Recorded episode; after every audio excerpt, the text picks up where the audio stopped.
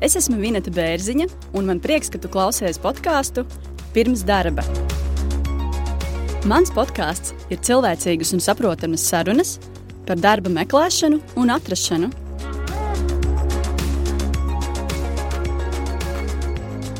Šodien parunāsim ar diviem interesantiem vīriešiem, spēka gados, kuri šobrīd ir izveidojuši veiksmīgas karjeras. Pirmā saruna būs ar Jāni, kurš bijis profesionāls dejotājs un pēc studijām ārzemēs veido karjeru personāla atlasē.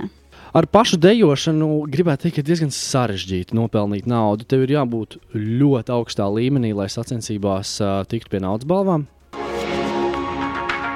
Mm, Kā mēs mēdzām smieties par to, I have a day off. No, if you have a day off, you're out. Tas nav tikai dejošanā, tas ir vispār profesionālajā sportā, kad uh, tu iemācies zaudēt. Otrā saruna būs ar Tomu, un jūs dzirdēsiet to, kā meklēt darbu pēc profesionāla sportista karjeras beigām. Jā, redz, parastiem cilvēkiem tas darbs sākās ap 22. Profesionāliem sportistiem tas darbs sākās ap 35. Uh, un arī šobrīd es redzu, ir, ir, ir tiešām daudzi sportisti, kuri joprojām velk to maksimumu ārā, spiežot galam. Un tad, tam, kad pienāk tas brīdis, ka viņam jāiet jau tādā darba vidē, viņš tad sāk meklēt darbu. Grūtākais bija salāgot tiešām to vidi, uh, tikties ar cilvēkiem, runāt ar cilvēkiem, kas nav no, no, no tās uh, pierastās vidas, nav no sporta vidas. Un, uh, man tas likās jocīgi. Visi tie cilvēki nāk, viņi manim runā, viņi ir laipni. Nu, tik tiešām tā, tā, tā arī bija. Tas tā, varbūt liekas smieklīgi, bet man pie tā teiksim, pagāja kaut kāds laiks, kad es pieradu, kāds mēnesis. Šodien runāšu ar Jāni. Pastāstīšu stāstu, kā tad Jānis ir. Nezinu, pieteicies vai uzzinājis par mani, tad uh, sanāca tā, ka pēc uh, pirmās podkāstu epizodes Jānis uzrakstīja man LinkedIn. Uzrakstīja, ka ir noklausījies epizodi, ka ļoti patika un ka pats arī labprāt vēlas parunāties. Tas man tā ļoti patīkami pārsteidza, ka pirmajā epizodē kāds jau raksta un vēlas, un man ir liels prieks.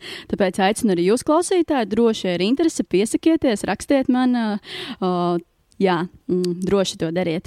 Tad Jānis šobrīd strādā Manpowerā mm, kā pārdošanas cilvēks. Droši vien vēlāk viņš arī sevi pieteiks un pastāstīs labāk par sevi. Bet sākumā Jāni gribu pajautāt tev, kas varbūt tev pievērs uzmanību uh, podkāstā, kāpēc vispār noklausījies un jā, kāpēc izdomāji uzrakstīt. Čau, Inet! Čau! Um, labs jautājums. Es īstenībā pamanīju, pamanīju tieši arī LinkedIn, ka tu biji nošērojis to, ka ir tāds podkāsts pirms darba. Un uh, ņemot vērā to, ka podkāsti šobrīd kļūst arvien populārāki un arvien, arvien vairāk viņi parādās, Jā, tad um, noklausījos. Uh, Pirmā saruna likās interesanta. Es tādu uz sitienu neatceros, kā sauca, kā sauc cilvēku, ar kuru tu runāji pirmajā sarunā. Kristaps. Kristaps, jā, Jā. noklausījos ar Kristapu un sarunu un likās, ka hmm, ir diezgan interesanti. Un es arī ļoti labprāt padalītos ar to, kā man ir gājis, ko es esmu darījis, cik daudz es esmu darījis. Un, uh, un tā, un tad sanāca, ka arī mums ir uh, kopīgas paziņas, kas, uh, Piemēram, nu, piemēram, Aija. Jā, pareizi. Jā, ja, jā. Jā. ja šo klausies, lūdzu, piedod, es atkal tevi aizmirsu.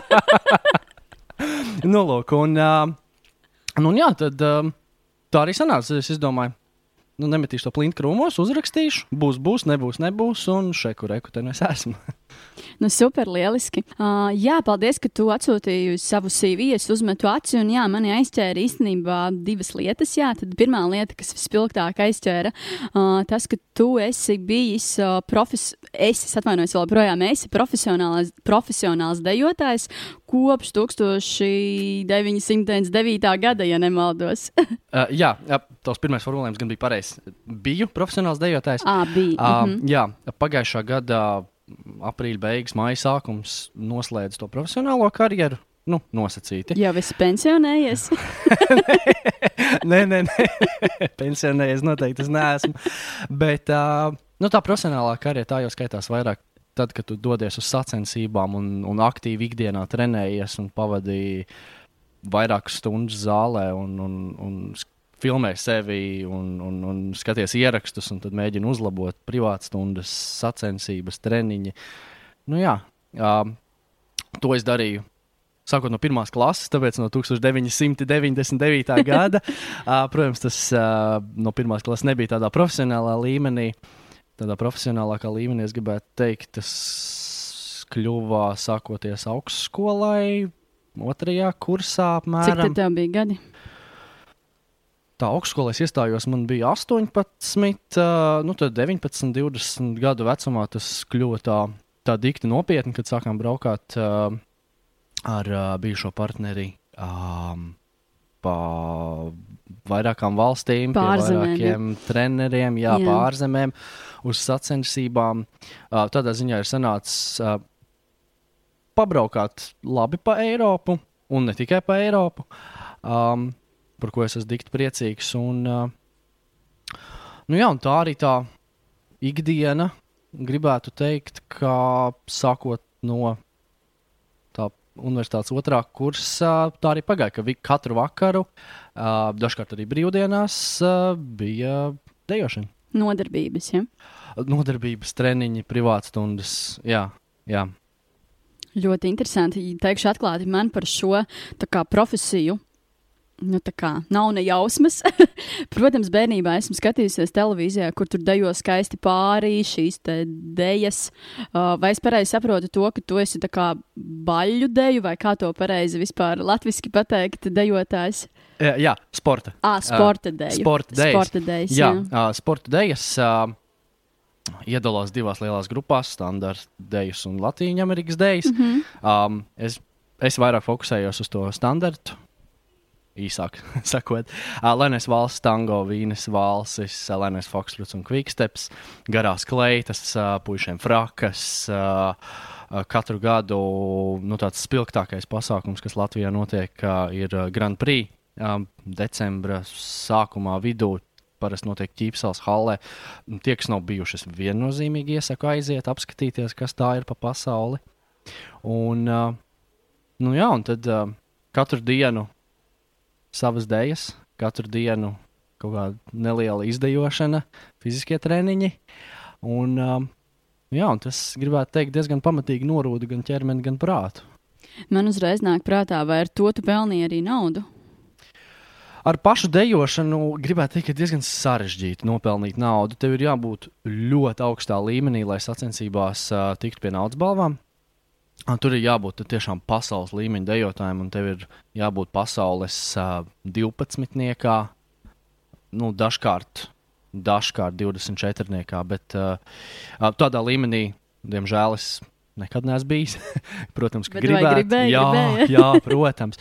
Bet tur uzreiz arī ir pilnīgi citas investīcijas. Tad ir uh, pilnīgi viss jāpaliek malā, un tev ir uh, no 9 rītā līdz 9 vakarā jāpavada uh, deju zālē, un, ta, un tas ir tavs pilna laika darbs. Um, Un pat vairāk sanāk. um, bet, uh, nu jā, ņemot vērā to, cik ļoti es investējos tajā, un uh, cik ļoti mēs kā pāris investējāmies tajā, es gribētu teikt, ka tas rezultāts bija pietiekami adekvāts. Bet man nāk prātā, ja tu par to nesaņēmi naudu kā par algotu darbu, tad jā, kāds, kāds bija tas iegūms priekš tevis? Jo, nu, var teikt, 20 gadi. Jā, nu kā, kā jau es sarunā sākumā teicu, es esmu cilvēks radošs. Un uh, man, ir, man ir nepieciešama tā radošā dzīves daļa, kas, kas mani uzlādē, lai es pēc tam varētu arī performēt savā ikdienas darbā un, un, un vispār, vispār būt pozitīvs arī ikdienā. Um, cik, daudz tas, cik daudz tas prasīja? Nu, jā, 20 dzīves gadus. Um, bet es gribētu teikt, ka viņi pagāja, ka tie pagāja diezgan ātri. Un, uh, viennozīmīgi es nenožēloju ne sekundi no tā, ko es esmu darījis. Forši. Uh, es vēl, uh, jā, atceros, tavā CV bija minēts, kas man ļoti aizķēra, ka tu esi divus uh, gadus bijis ārzemēs, Londonā mācījies. Varbūt tur pastāstīt par šo pieredzi. Un tad, attiecīgi, uzreiz otrs jautājums, kā tad toreiz, kad tu biji Londonā, apvienojis savu, savas idejas? Jā, uh, Londonas pieredze es gribētu teikt, tas bija tāds uh, iesākumā sitiens zem jostas vietas. Jā, jo ja Latvijā tomēr nu, lielākā vai mazākā mērā. Tu pazīsti cilvēkus, tev ir pie kā vērsties, tev ir, nezinu, kaut vai, kaut vai tik, cik aiziet. Aiziet pie kādas, nezinu, vec, vecākiem, pie kāda drauga, kam ir savs uzņēmums, parunāties, ko darīt, kā darīt, ko, kas, kā, kāpēc. Tad uz turieni aizbraucot, tev nav nekā. Tu esi kā izmests no laivas, un um, tev ir vienkārši jāiet un jākapā un, un jādara viss pašam. Uh, kāpēc es uz turieni braucu? Lai, uh, es uz turieni braucu, lai mācītos. Lai, uh, Ko tu mācījies? Uh, HR, Human Resource Management. Kāpēc HR? um, par HR man jau bija doma vēl pabeidzot um, universitātē bakalaura studijas. Um, tajā laikā es meklēju Latvijā um, kaut kādas studijas, kuras varētu dabūt maģistru. maģistru Kāpēc negāja uz Risabu? um, man īstenībā nepatīk tā programma. Man arī. nu, redz.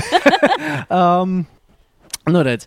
Um, Es neko sliktu nevaru teikt, jo es tagad nezinu, kā, kā tur ir un, un kā būtu, ja būtu. Bet, uh, bet tajā laikā, skatoties uz tiem kursiem un skatoties uz tiem pasniedzējiem, man nelikās, ka tas ir tas, ko es gribu un cik daudz es gribu. Un tad es, uh, tad es sāku meklēt vēl papildus uh, kaut kādus.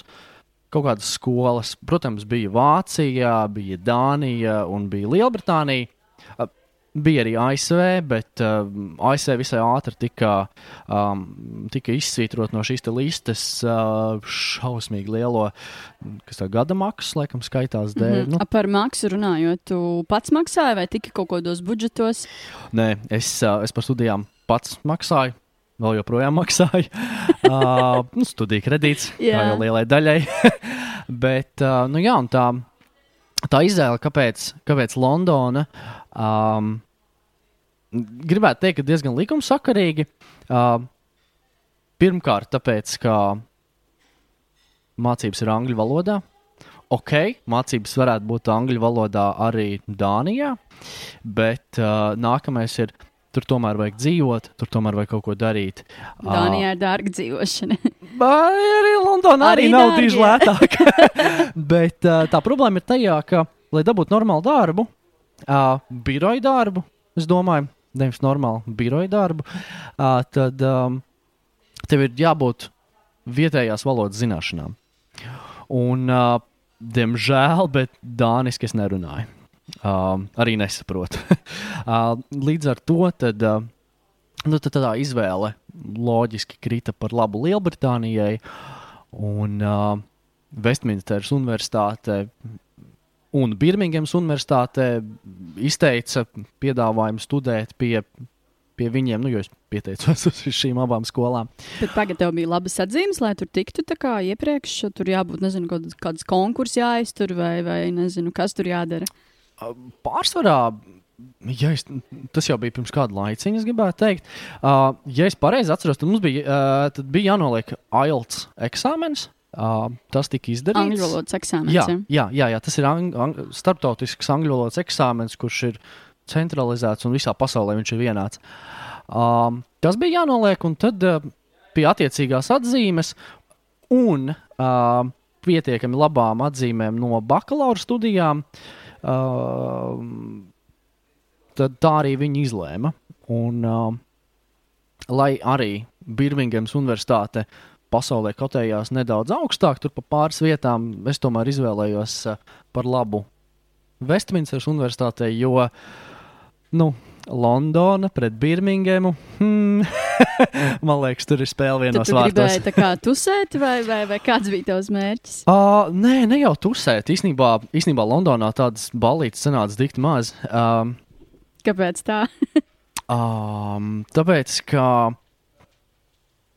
nu, vairāk jau iemesli. Viens tev bija jāstudē, otrs tev bija jāstud, uh, jāstrādā, un trešais uh, tev bija arī jādejo. un, uh, un tas prasa diezgan daudz laika, tas prasa diezgan daudz līdzekļus. Un, uh, Es jau nesaku, ka tur nenotika balīts. Nē, nē, balīts notika. Bet, uh, Bet tu viņos nepiedalījies. Uh, nē, nu, pirmkārt, mēs, mēs bijām četri latvieši, kas uz turieni aizbrauca. Uh, mēs īrējām kop, kopā vienu, vienu dzīvokli, protams, kaut kāds mājas balīts, un tur uh, viņš ir iedzeršana. Es kā šodien atceros, otrdienas vakaros. Uh, tā, tā, protams, ka bija, bet tāds kā balīts, balīts uh, īsti nē, jo izējot no mājas, viens kokteils, desmit mārciņas, um, viens aliņš mm, lētākais piecas mārciņas, un tad, un tad tas tā salasās, salasās, salasās, un vienā vakarā tu vari pilnīgi elementāri iztērēt gandrīz simts mārciņas. Un tad tu tā domā, hmm, par simts mārciņām, ko es varētu izdarīt. Es varētu paņemt divas privātstundas dejošanā, es varētu aizbraukt, um, aizbraukt piemēram, uz kaut kādu nezinu, tālāku vietu no Londonas, uz weekendu. Nu, labi, pa simts mārciņām to būtu sarežģīti, bet, eh, bet pastāv tāda iespēja. Nu, tad, tad tu izvērtē tās prioritātes par to, kas, kas mm -hmm. ir svarīgāks. Aiziet vienreiz paballēties vai, vai varbūt patrenēties. Pastāsti, par ko tu strādāji, ko tu darīji Londonā? Tu teici, ka tas bija biroja darbs. Ja? Jā, tas bija, tas bija biroja darbs. Es uh, strādāju uzņēmumā ar nosaukumu GX People, uh, kas ir uh, kas ir atlases uzņēmums, uh, kurš darbojas ar, ar farmācijas uzņēmumiem un, uh, un atlasa augsta līmeņa. Nu, par speciālistiem viņš ir nosaukt grūti, tie ir reāli profesionāļi.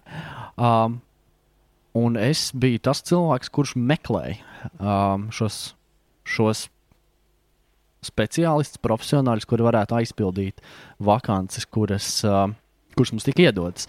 Un arī darbs bija visai interesants, jo um, dzīvē es fiziski satiku tikai mm, divus cilvēkus, kuri, kurus es pats personīgi esmu ievietojis kādā, kādā mm, visai, visai zināmā farmācijas uzņēmumā, jo um, tā visa atlase notika Vācijai, Austrijai un Šveicei. Jā, mēs oh, sēdējām Londonā mm -hmm. un strādājām uz to reģionu. Jā. Forši tad sanāk, ka tev pieredze tā kā atlases kompānijā ir ne tikai šobrīd, bet arī Londonas pieredze. O, oh, jā, tur, tur to iemācīja, tur tu esi viens no. Un, uh, un, jā, un ja, tu, ja tu neesi labs, tad um, nu, pa lielam vēl ir 20 cilvēki rindā, kas gaida uz tavu vakanci, uh, lai, lai pa lielam tevi aizvietot. Ko nozīmē labs darbinieks? Um, labs jautājums. um, tev ir uh, jāizpilda savu mērķi, tev ir, um, tev ir jāizdara tas, kas, uh, tas, kas ir, tev ir uzdots. Un, uh, nu jā, un tu, tur, tur īsti nav runa par, par uh, kaut kādām garām pusstundas kafijas pauzēm, vai tur, uh, uh, kā, mēs, uh, kā mēs mēdzām smieties par to, I have a day off. No, if you have a day off, you're out. Jā, nu, tur, tur, apmēram, tur apmēram tā mentalitāte ir, ir, ir tāda, ka tev ir jābūt vienmēr on top of things. Es pat nezinu īsti, kā tas latviešu varētu skanēt, nu, bet tev ir jābūt vienmēr iekšā. Kā, jā, jā, jā. jā, jā. Mm -hmm. Jā, kā vispār darba devēja reaģē uz to, ka viņi ierauga tavā CV, ka tu esi bijis vai esi profesionāls, profesionāls dejotājs? Ir dažādas reakcijas. Nu, ir dažādas reakcijas. Nu, piemēram, piemēram Londonā es zinu, ka vairāki darba devēji tieši šī iemesla dēļ man atteica. Wow, kāpēc? Tāpēc, ka viņiem šķita, ka nav iespējams pilnvērtīgi savienot mm -hmm. darbu ar vēl kaut ko ārpus darba, kas, protams, man likās dīvaini yeah. no sākuma. Uh, sākot strādāt, es sapratu, kāpēc tas tā ir. Jā, jo uh, Lielbritānijā ir viena tāda um, dikti izslavēta lieta, kas saucās prezenteisms. Kāda lieta? Prezenteisms, es nezinu, latviešu, angļuiski tas ir prezenteism, um, kur tevi novērtē tad, ja tu esi vairāk birojā, nevis, ka tu vairāk sasniedz. Un, uh, Un tajā brīdī es savilku kopā, ah, tad lūk, kāpēc viņiem nepatīk, ka, ka man ir vēl kaut kas papildus, jo viņi vienkārši grib, lai es 12 stundas sēžu birojā. Um, kaut gan bija arī reizes, kad es sēžot astoņas stundas birojā, izdarīju te jau divreiz vairāk nekā tie cilvēki, kas sēdēja tur 12, 14 stundas birojā. Mm -hmm. Nu, mm. Saki, lūdzu, kādas prasmes vai iemaņas attīsta tieši dejošana, un ko tas vispār dod darba, spē darba spēka tirgū tev kā, kā potenciālam darbiniekam, kandidātam? U, tas viennozīmīgi iemāca, tas viennozīmīgi iemāca disciplīnu. Jo dejošanā tev ir jābūt ārkārtīgi pacietīgam un ārprātīgi disciplinētam, lai vispār tiktu kaut nedaudz uz priekšu. Un, uh, un tas, manuprāt, arī ir tas, kas ir cilvēkiem nepieciešams darbā. Tā ir tā disciplīna, ka tu atnāc uz darbu un tu strādā un tu dari lietas, nevis tu ieslēdz Facebook vai aizēja pusstundas kafijas pauzē. Um, ar kolēģi pačatot, uh, tad pēc tam atnāca kaut ko bišķītiņu pastrādā, tad, uh, tad tev kāds uzraksta Whatsappā, un tad, ah, šeku, rek, ah, pastāst, jau ir pusdienas, ok, uh, labi, tā. Tad ir, nu, protams, ka stundas pusdienas pauze, jā, bez tā jau nevar. Un, un, un, un tad ir, ok, tad jau pulkstenis ir viens, nedaudz pāri vienam. Hmm, nu, varētu nedaudz pastrādāt. Tad ap pulkstenes trijiem uznāk miedziņš, un, un, un tad, jau ir, tad jau ir vajadzīga vēl nākamā kafijas pauze. Nu, jā, nu, tas īsti nestrādā. Līdz ar to man, man šķiet, ka tā disciplīna tomēr ir vajadzīga. Un, ja tu esi darbā, tad, tad tu strādā, un, ja tu neesi darbā, tad, tad tu nestrādā. Uh, tā ir viena lieta. Un uh, otra lieta, ko dejošana ārprātīgi iemācīja, tas ir uh, tā ir um, sajūta, nē, bet, bet, bet tu tur iemācies zaudēt. Um, jā. Tā kā nebūt pirmajā vietā un samierināties ar to, vai kas cits? Pat, pat, pat ne tikai pirmajā vietā, jo nu, sacensībās piedalās daudz pāri, bet, uh, bet um, tur tu iemācies zaudēt, tur tu iemācies saņemt sitienus, dažkārt pat tik sāpīgus, kad, uh, kad tu stāvi uz tā laukuma un ir apbalvošana, un, un, un tu esi tur, es nezinu, piemēram, tur otrajā, trešajā, ceturtajā vietā, bet tev nāk raudiens, jo tu zini, ka tas nav tas nav tas, kur tev ir jābūt. Un, uh, Es gribētu teikt, tas nav dejošanā, tik, tas nav tikai dejošanā, tas ir vispār profesionālajā sportā, kad uh, tu iemācies zaudēt. Tā ir tā arī tāda savaldīšanās. Arī, jā, bet nu, tu, tur ir ļoti daudz lietas, kas nāk klāt. Jo, piemēram, pēc, tas, jau, tas ir ne tikai kā. Tā ir ne tikai zaudēšana un savaldīšanās tajā brīdī, kad tev tiek pasniegta tā sliktā ziņa vai tur, nezinu, neapmierinošais rezultāts. Uh, tas ir arī tas, ka tu pēc tam spēj pēc tās sitienas saņemties, piecelties un neskatoties ne uz ko turpināt, turpināt iet. Pagraba cilvēki, tie, kas to klausās, turpinam iet. Um, mm, turpināt iet un turpināt darīt, un neapstāties un, un neskatīties uz, uz, uz to, kas ir bijis, jo tas ir bijis un to tu vairs nevari izmainīt. Man te ir vēl viens jautājums. Mm, Jāni, kas, kas varbūt bija tava pieredze vai īpašība, ko, ko tevī visvairāk novērtēja tieši šī brīža darba devējs? Nezinu, vai tā bija pirmā saruna vai intervija. Kas bija tā lieta? Ginte, es nezinu, vai tu klausies. Bet, ja tu klausies, tad um, man šķiet, uh, man šķiet, ka tā bija tā pieredze un iespējams harizma. Es nezinu, es nezinu. Uh, man tā šķiet, bet, protams, vairāk pieredze nekā harizma, bet, uh, bet jā. Kāpēc tā šķiet? Uh, nu, kā jau es teicu, kad ka šai vakancei tika meklēts cilvēks, kurš iepriekš ir darījis to darbu, kuru viņš pārdos.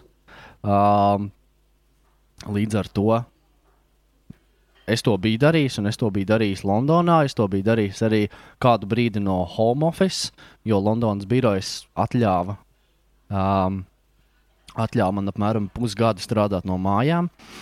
Uh, tāpēc es zināju tos ins and outs. Uh, un, un, un par to harizmu nu, cilvēki ir teikuši, jā, ka, ka, ka it kā ir.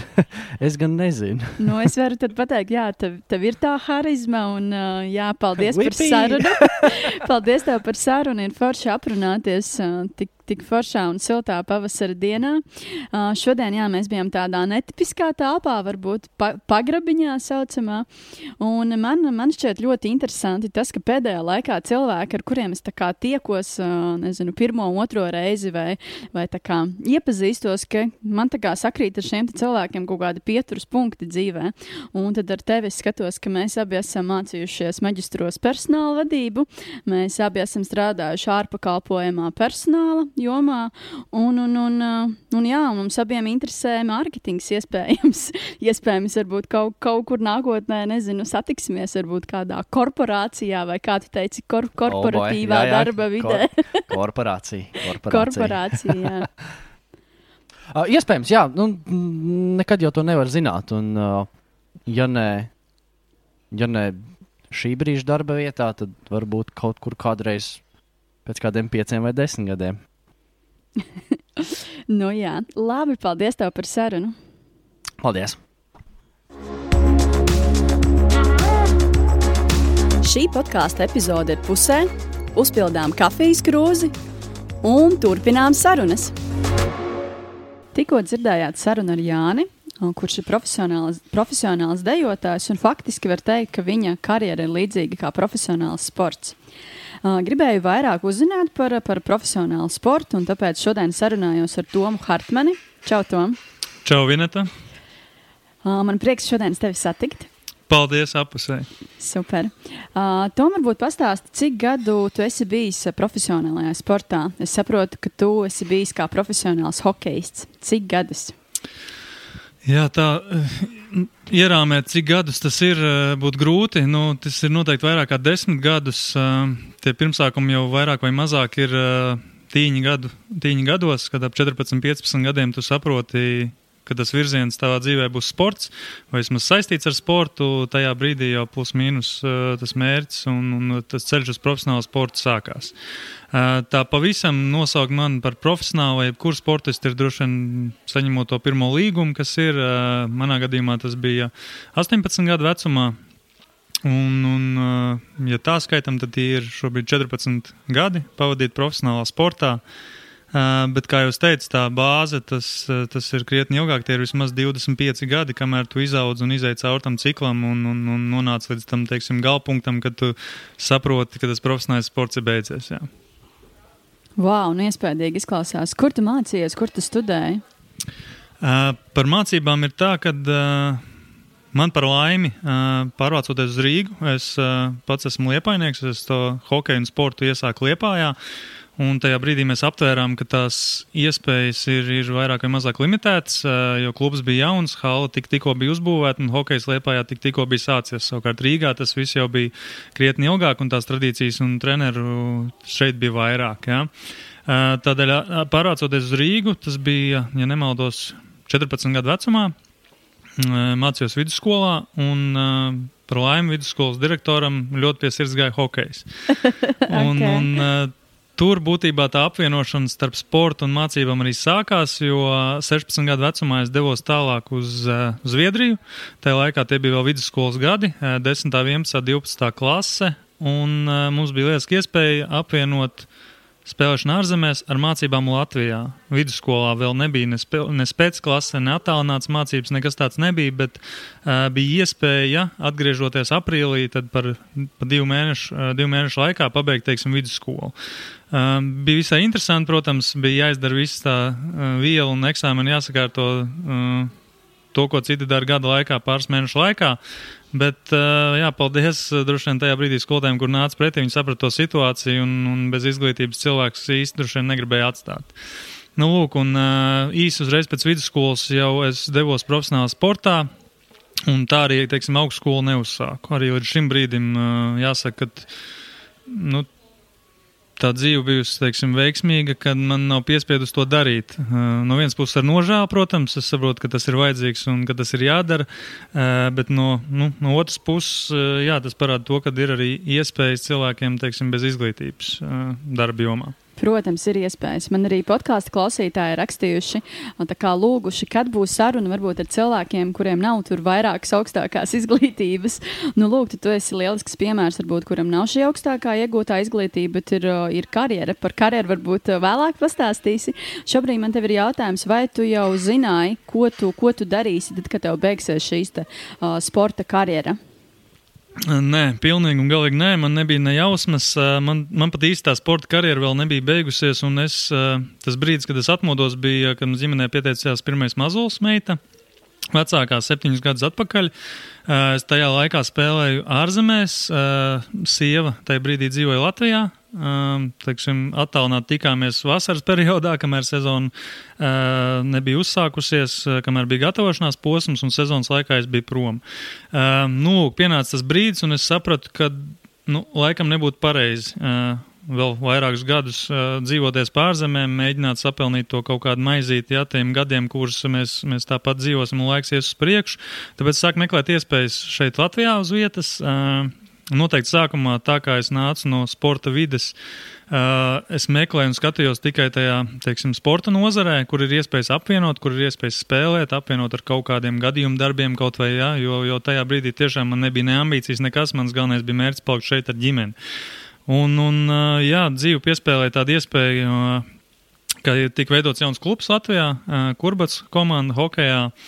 Un, jā, izdevās satikties ar, ar, ar Kurbats komandas īpašnieku vadītāju Andi Pikānu. Uh, veiksmīgi tieši pirmo sezonu uzsākot, bija arī diezgan liela izaugsme uzņēmumam kā tādam. Un tik dot iespēju jā, pierādīt sev uzņēmumā, sākt no, no, no pašiem pamatiem ar, ar teiksim, tādu darbu noliktavā un ar iespēju teiksim, izaugsmē nākotnē. Izklausās fantastiski. Tev deva iespēju nevienu hokeja komandā spēlēt, bet arī darbu piedāvāja. Jā, eh, es, es to tikai sapratu vēlāk, ka tā nākšana pretīm, es, es, tiešām to novērtēju, un uh, es domāju, jābūt pateicīgam, jo jo no tā darba devēja puses, protams, ir risks. Cilvēks bez izglītības, cilvēks bez jebkādas dzīves pieredzes, un, un, un sākumā tas lielākais izaicinājums arī ir tā pielāgošanās tai videi, jo vide krietni mainās. Profesionālam sportistam tā vide ir uh, pavisam savādāka. Viņš ir pieredzējis, ka viņam ir brīvais laiks, viņš ir pieredzējis, ka viņam ir kaut kāds grafiks, pēc kura viņam divreiz dienā ir jātrenējās, bet pārējo laiku viņš pakārto tiem treniņiem. Ja? Tāpēc uh, no darba devēja puses tas ir risks, bet uh, tas labais ir tas, ka uh, nu, šajā gadījumā Andris viņš, viņš noticēja, viņš saredzēja tajā iespēju, jo tas sportists, kurš nāk tajā darba vidē, viņš jau ir disciplinēts. Viņu, teiksim, tā ir vieglāk audzināt, nav tur noslēpumu. Uh, Jā, viņš, viņš labāk pakļaujas teiksim, tajā sākuma brīdī, un, un to pieredzi uzkrāt jau nu, tas ir laika jautājums. Ja? Un, un, un tajā ceļa sākuma posmā, dodot to iespēju, ir pietiekami, un tu jau gadiem ejot redzi, tur kaut kas sanāks vai nesanāks. Jā. Kādas īpašības vēl piemīt profesionāliem sportistiem, un tev varbūt, kas palīdzēja sākt savu karjeru pilnīgi citā sfērā? Es domāju, Nu, liela, liela daļa ir saistīta ar mērķtiecību. Mēs ļoti daudz zinām, pēdējā laikā mēs runājam par mērķiem, par sevis, par izaugsmi un, un, un tādām lietām. Un, uh, jebkuram sportistam viņam jābūt mērķtiecīgam. Ja viņš ir bijis kaut cik profesionāls sportists, tad viņš nav tur kļūdas pēc nokļūs. Viņš uz to ir gājis, ja, un uh, tas dod uh, to lielo pievienoto vērtību, ka viņš būs gatavs darīt visu, lai sasniegtu to mērķi. Es domāju, tas ir pats svarīgākais. Un, kā jau minēju, disciplīna, jā, viņš, viņš līdzīgi kā armijā būs paralēls var savilkt ar armiju. Viņš būs gatavs darīt šeit un tagad, nevis atlikt un gaidīt, kaut ko cerēt, bet tiešām iet un darīt. Pastāst, varbūt, kā tev gāja ar šo radikālo karjeras maiņu. Tu sāki darbu noliktavā, cik es saprotu. Kā, kā tev gāja, kā tu jūties, kādas bija sajūtas kā pirmo reizi kā, nu, darbā pie darba devēja? Strādāt droši vien cik 8, 12 stundas dienā? Uh, jā, sākumā bija interesanti. Es, es nav tā, ka es nebiju saskāries ar darba vidi kā tādu vispār. Es biju arī uh, savos, teiksim, tīņa gados Zviedrijā apvienojis nedaudz darba ar spēlēšanu. Jā, bija tāda iespēja, un arī starpsezonās es biju kaut ko darījis, uh, jo nav noslēpums, ja tu neesi profesionāls sportists, kas ir augstākās klases, tad tā maizīte tev arī vasarā ir nedaudz jāpiepelnē, lai tu varētu savilkt gals un sezonai sākoties atkal jau tā kā pelnīt to naudu kā vasarai. Ja? Nu, tas sākums, sākums visnotaļ interesants. Man grūtākais bija salāgot tiešām to vidi. Uh, tikties ar cilvēkiem, runāt ar cilvēkiem, kas nav no, no, no tās uh, pierastās vidas, nav no sporta vidas. Un, uh, man tas likās jocīgi. Visi tie cilvēki nāk, viņi manim runā, viņi ir laipni. Nu, tik tiešām tā, tā, tā arī bija. Tas tā, varbūt liekas smieklīgi, bet man pie tā teiksim, pagāja kaut kāds laiks, kad es pieradu, kāds mēnesis. Un, un tas darbs sākumā es pat netik ļoti koncentrējos uz to darbu, jo es sapratu, ka šeit ir darbs, tas man ir jādara. Viss, ja šobrīd es tam koncentrējos, es to daru ar visu atdevi. Ja? Un tad, sākoties tajā sezonā, jau to bija iespēja apvienot. Teiksim, man nebija tā, ka man rūpēja. Man, man nebija tā, ka tas tikai noliktavs darbs. Es tieši sardzēju to kā iespēju, kad šeit cilvēks man ir teiksim, devis savu uzticības kredītu, un man viņš kaut kā ir teiksim, jāatpelna. Ja?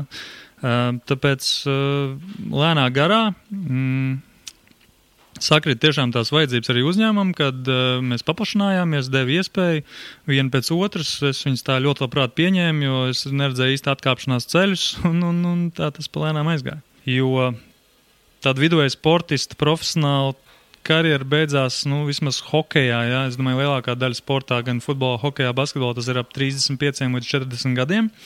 Atkarībā, protams, no daudz dažādiem faktoriem, traumas, ģimenes apstākļu un tā tālāk. Un tajos 25 gados, paldies Dievam, es sapratu, ka nu, tajos 10 gados es tiešām to pensiju sev nesapelnīšu. jā, jā. Tas vilciens ir aizbraucis, no NHL man nezvanīs. Uh, Un, un um, jā, vairāk tieši sāk domāt par to karjeru un par to pārslēgšanos jau uz citu vidi nekā to sportu. Tad 25 gados tu jau pārslēdzies no sporta uz, uz, uz, uz darbu, kā, kā, kā, kā mēs parastie cilvēki saprotam, kas ir darbs. Jā, redz, parastiem cilvēkiem tas darbs sākās ap 22. Profesionāliem sportistiem tas darbs sākās ap 35. Uh, un arī šobrīd es redzu, ir, ir, ir tiešām daudzi sportisti, kuri joprojām velk to maksimumu ārā, spiežot līdz galam, un tad, tam, kad pienāk tas brīdis, ka viņam jāiet jau tādā darba vidē, viņš tad sāk meklēt darbu. Un, un, un, nu, teiksim, man tas tā organiski izdevās savienot uz noteiktu momentu, līdz kamēr tā karjera jau skaidrs, ka iet uz beigām, un tu jau esi simtprocentīgi pārslēdzies jau kaut kādā, teiksim, atspērienu punktā, nevis pašā sākumā. Uh, toreiz, kad tev bija 25 gadi, kad tu meklēji šo darbu, vai tev bija vēl kādas citas iespējas, nezinu, kaut kādas vēl intervijas, varbūt vēl kaut kur savu CV sūtīja vai zvanīja cilvēkiem? Nu, jāsaka, godīgi, mēs, mēs vakar runājām, tu man rakstīji, lai atsūtu savu CV, un, un tad es tikai sapratu, ka man tāds nav izveidots. Tāpēc, nu, bet tev ir LinkedIn CV, tas, tas jau ir daudz. CV, paldies Dievam, man ir ko var izkopēt, tāpēc nu, tādā ziņā man tiešām tas ir bijis veiksmīgi, ka līdz šim man tas nav bijis vajadzīgs. Jā, es nesaku, protams, ka nākotnē tas nebūs vajadzīgs vai kā savādāk, bet es, es, es šobrīd par to vienkārši nedomāju. Un uh, arī tajā brīdī, kad man bija tā iespēja, nu, es tagad simtprocentīgi atdevos tai vienai uh, lietai, kas, kur, kur, kur man bija pieejama tajā brīdī, un es īsti nemeklēju citus veidus, jo, jo uh, jā, tā jaunā sezona bija ļoti tuvu. Tas bija kaut kāds, ja nemaldos, jūlijas, augustā jau viss uzsāk gatavošanos. Tāpēc bija tas nedēļas apmēram posms, kurā man bija jāsaprot, vai tad es to vienu gadu vēl braucu prom, spēlēju profesionāli kaut kur ārzemēs, un tad aprīlī atgriežos pie ģimenes, vai arī es tiešām man ir iespēja palikt šeit, būt kopā ar ģimeni un arī sākt kā, pelnīt maizīt. Nu, tas lielākais grūdienis tiešām man bija tā, tā, tās meitas piedzimšana, tāds bija tā kā, jā, brīdis, kurā es sapratu, ka nu, tas hokejs laikam tomēr nebūs vairs pirmajā vietā. Jā. Bet uh, droši vien bija arī cita iespēja, kā palikt ārzemēs, uh, nezinu, varbūt uh, gūt, uh, nezinu, slavas, uh, kļūt par slavenību. Vai tev bija tāda iespēja? Es domāju, to iespējas palaidu jau garām tur pāris gadus iepriekš, ap kādiem 20, 22 gadiem. Bet, uh, Bija iespēja tajā brīdī, jā. Mēs arī par to runājām. Bija noteikti iespēja pavadīt vēl vairākus gadus ārzemēs, arī ņemt ģimeni līdzi. Ļoti daudzi man arī paziņas ir, ir ar bērniem devušies spēlēt ārzemēs. Tur gājuši gan skolās, gan bērndārzos, uzsākuši to audzināšanu arī tur. Nu, to visu, protams, var izdarīt. Tas, tas nav nekas sarežģīts, jo visur, kur tu brauc, tev uh, tiek nodrošināts gan, gan dzīvošana, dzīvoklis, gan automašīna. Jā, tā, tādā ziņā nav problēma. Uh, man tā kā vairāk bija tā sajūta, ka nu, vismaz es gribēju, lai tas bērns aug šeit, Latvijā. Pirmkārt, tāpēc, ka šeit ikdienā ir viņam saskarsme gan ar ne tikai mūsu ģimeni, bet arī ar vecākiem, kas man bija svarīgi. Un man pašam laikam tajā brīdī bija jau tas posms, kad es biju kaut kādus 6, 7 gadus izbraukājis, un es sapratu, ka es, es gribu mājās, es gribu Latvijā. Un es gribu kaut kādu pievienotā vērtību, teiksim, dot šeit, eh, nevis kaut kur ārzemēs, vienkārši to atstrādāt tikai atstrādāšanas pēc, lai pēc tam atgrieztos un sāk domāt, ko tad es darīšu šeit. Ja? Nu, nu tā īsumā, jo, jo par tādu profesionālu sportistu karjeru, nu, tad tie izšķirošie gadi droši vien ir no 20 līdz 25, kā nu kurā sportā es pieļauju, citos sportos pat krietni ātrāk mēs zinām. Uh, Es to iespēju palaidu garām. Tajā brīdī, kad tā iespēja bija, man tas likās tā pašsaprotami, ka viss nāks un viss būs. Nevis, ka tev priekš tā ir jāiegulda vēl vairāk un vēl vairāk laiks un enerģija. Tādēļ, jā, tos, to, to es, paldies Dievam, sapratu, ka es palaidu garām un es varēju iet citu virzienu. Kā ar, kā ar atalgojumu, ar šādu hokeja darbu var, var nopelnīt ģimenei iztiku naudu?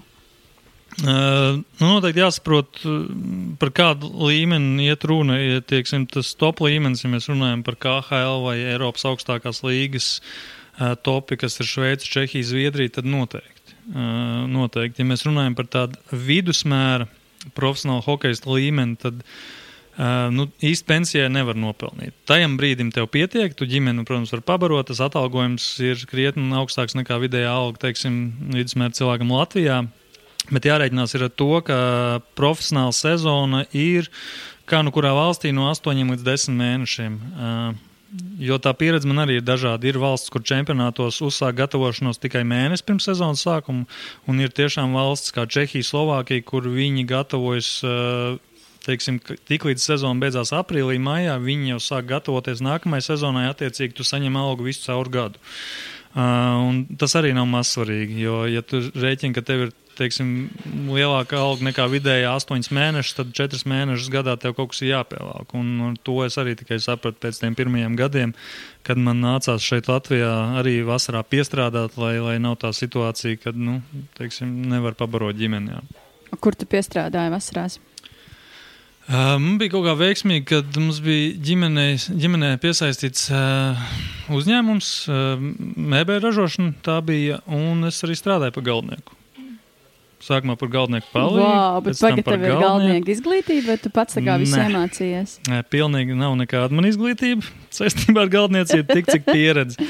Nu, tas viss bija tā, ka uh, bija iespēja sākumā palīdzēt kaut ko objektos, arī pie ražošanas un tā tālāk. Un ar laiku jau, protams, to pieredzi uzkrājot, uh, teiksim, varēja vairāk un vairāk izdarīt. Un, attiecīgi, uh, bija tā kā atvieglojums darba devējiem, šī no pleciem. Jo, arī tā ir nozara, kur uh, piesaistīt cilvēks ir ļoti grūti. Mēs zinām tos, tos stāstus par galdniekiem un, un celtniekiem, kur pazūd jā, pēc algas saņemšanas un tā tālāk.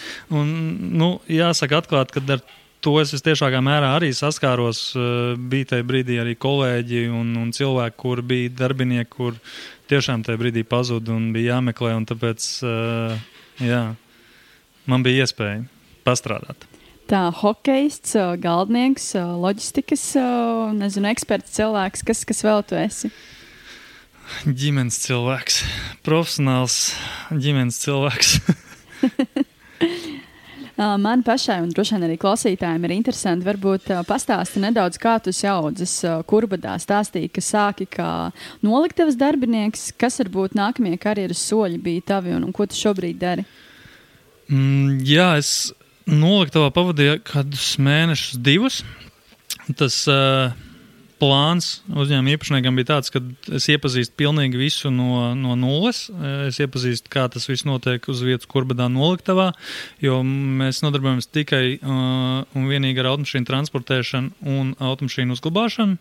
Protams, tur ir ietverts viss, kas ar to saistīts. Tas nav tā, ka vienkārši mašīnas noliek, viņas tur gadiem stāv, bet viņas ir jāapkopja un tādas lietas, ko dara arī noliektos darbinieki. Un, un, un tad viņam tas plāns bija tāds, ka pāris mēnešus pastrādājot noliktavā, viņš man piesaistīs loģistikas nodaļai.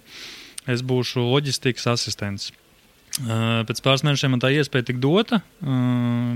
Izturēju pāris pārbaudījumus, kas bija, lai kā, mums tas birojs ir divos stāvos, lai nonāktu otrajā stāvā. Jā. uh, un uh, tur tad gan tas ceļš bija ilgāks. Tur sākumā, nu, teiksim, jaunam puikam, nu, cik no jaunam, bet nu, tādam bez pieredzes, tie darbiņi tika doti, tādi gadījumi darbi, tur kaut kur kaut kas ir jāpalīdz un kaut kas ir uh, jāiemācās pašam. Un, un, un tiešām nebija tā, ka man atstāja darbu vietu, šeit tev būs tagad klientu lokus, strādā ar viņiem. Ja? Uh, tas viss bija pamazām un, un, un lēnām tādā ziņā tā sistēma bija izdomāta ļoti labi, lai nav tā, ka cilvēks ienāk, netiek ar to galā, sabrūk un, un, un ņem nākamo cilvēku. Tā lēnām man iestrādāja, nostrādājis loģistikā par asistentu arī. Mm, es, es, es pat nezinu, gadu, divus nebija tāda īsta pārēja. Tagad tu būsi loģistikas darbinieks, jā, bet loģistikas departamentā es strādāju jau vairāk kā sešus gadus.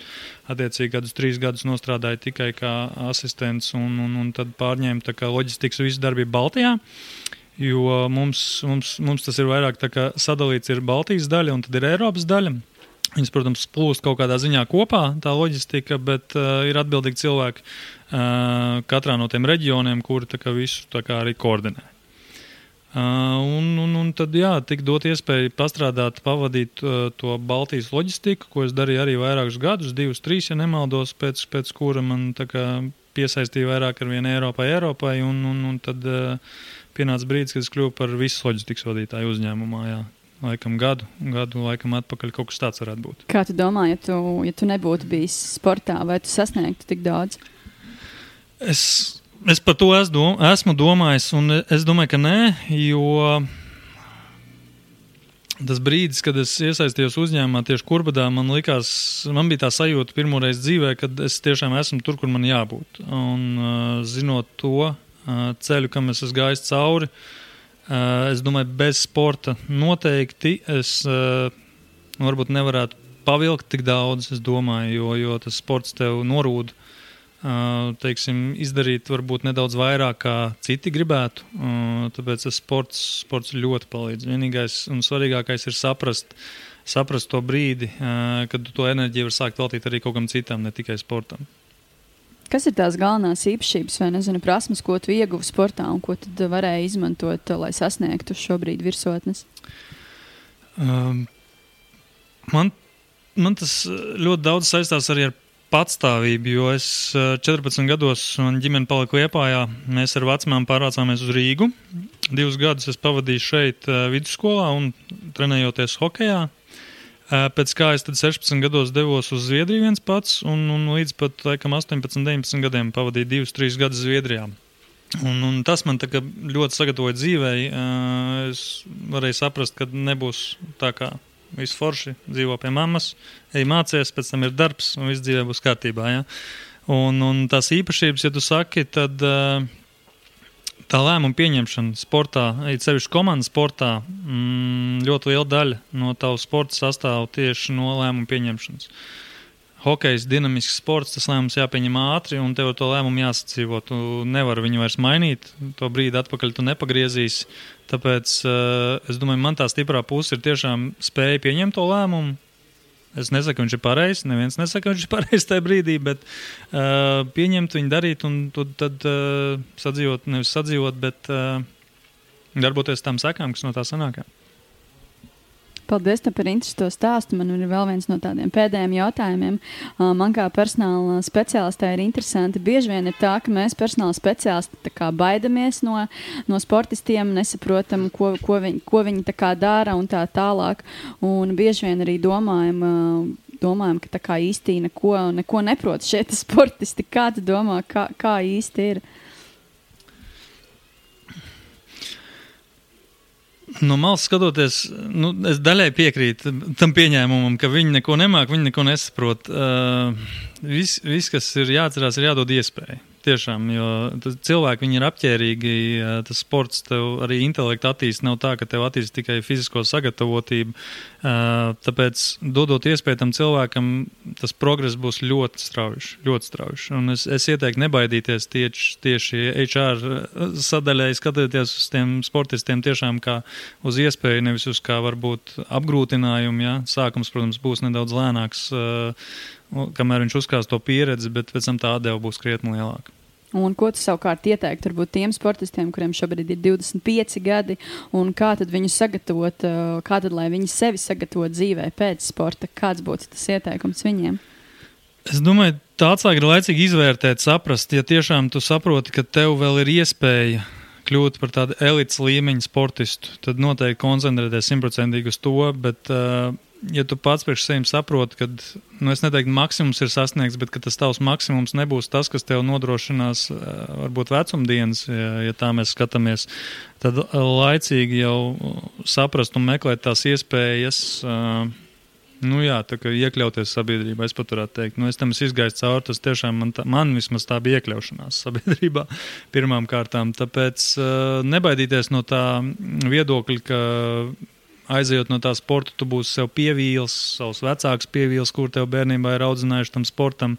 Jo, jo mums jau Latvijā tas viss ir. Uh, balstīts pārsvarā uz vecākiem. Mums reti, kurš sporta veids ir pilnībā valsts, valstiski apmaksāts, kad tev bez uh, vecāku līdzekļiem un enerģijas būtu iespējas sasniegt kaut kādas virsotnes. Tāpēc tā vilšanās varbūt, kad uh, tev neizdevās sasniegt to kāroto.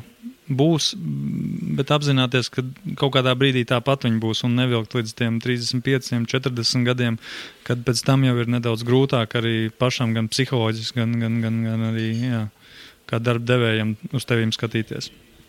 Tom, liels paldies tev par šo sarunu. Mans secinājums no mūsu sarunas ir tāds, ka profesionāli sportisti, kā, kā hokeisti, dejotāji un citi, viņiem ir lielisks īpašības un prasmes, lai iekļautos darba tirgu un lai sasniegtu daudz. Es piekrītu. Visiem cilvēkiem ir lielas iespējas, galvenais to apzināties. Paldies! Paldies tev arī! Tiešais jautājums. Katrā epizodē es klausītājus lūdzu atbildēt uz jautājumu par vienu sarunā aizkarto tēmu. Šodienas tiešais jautājums ir, vai tev ir tāda sajūta, ka šobrīd dari darbu, kas tev ir apnicis? Lai nobalsotu, nāciet uz Facebook lapu podkāsts pirms darba.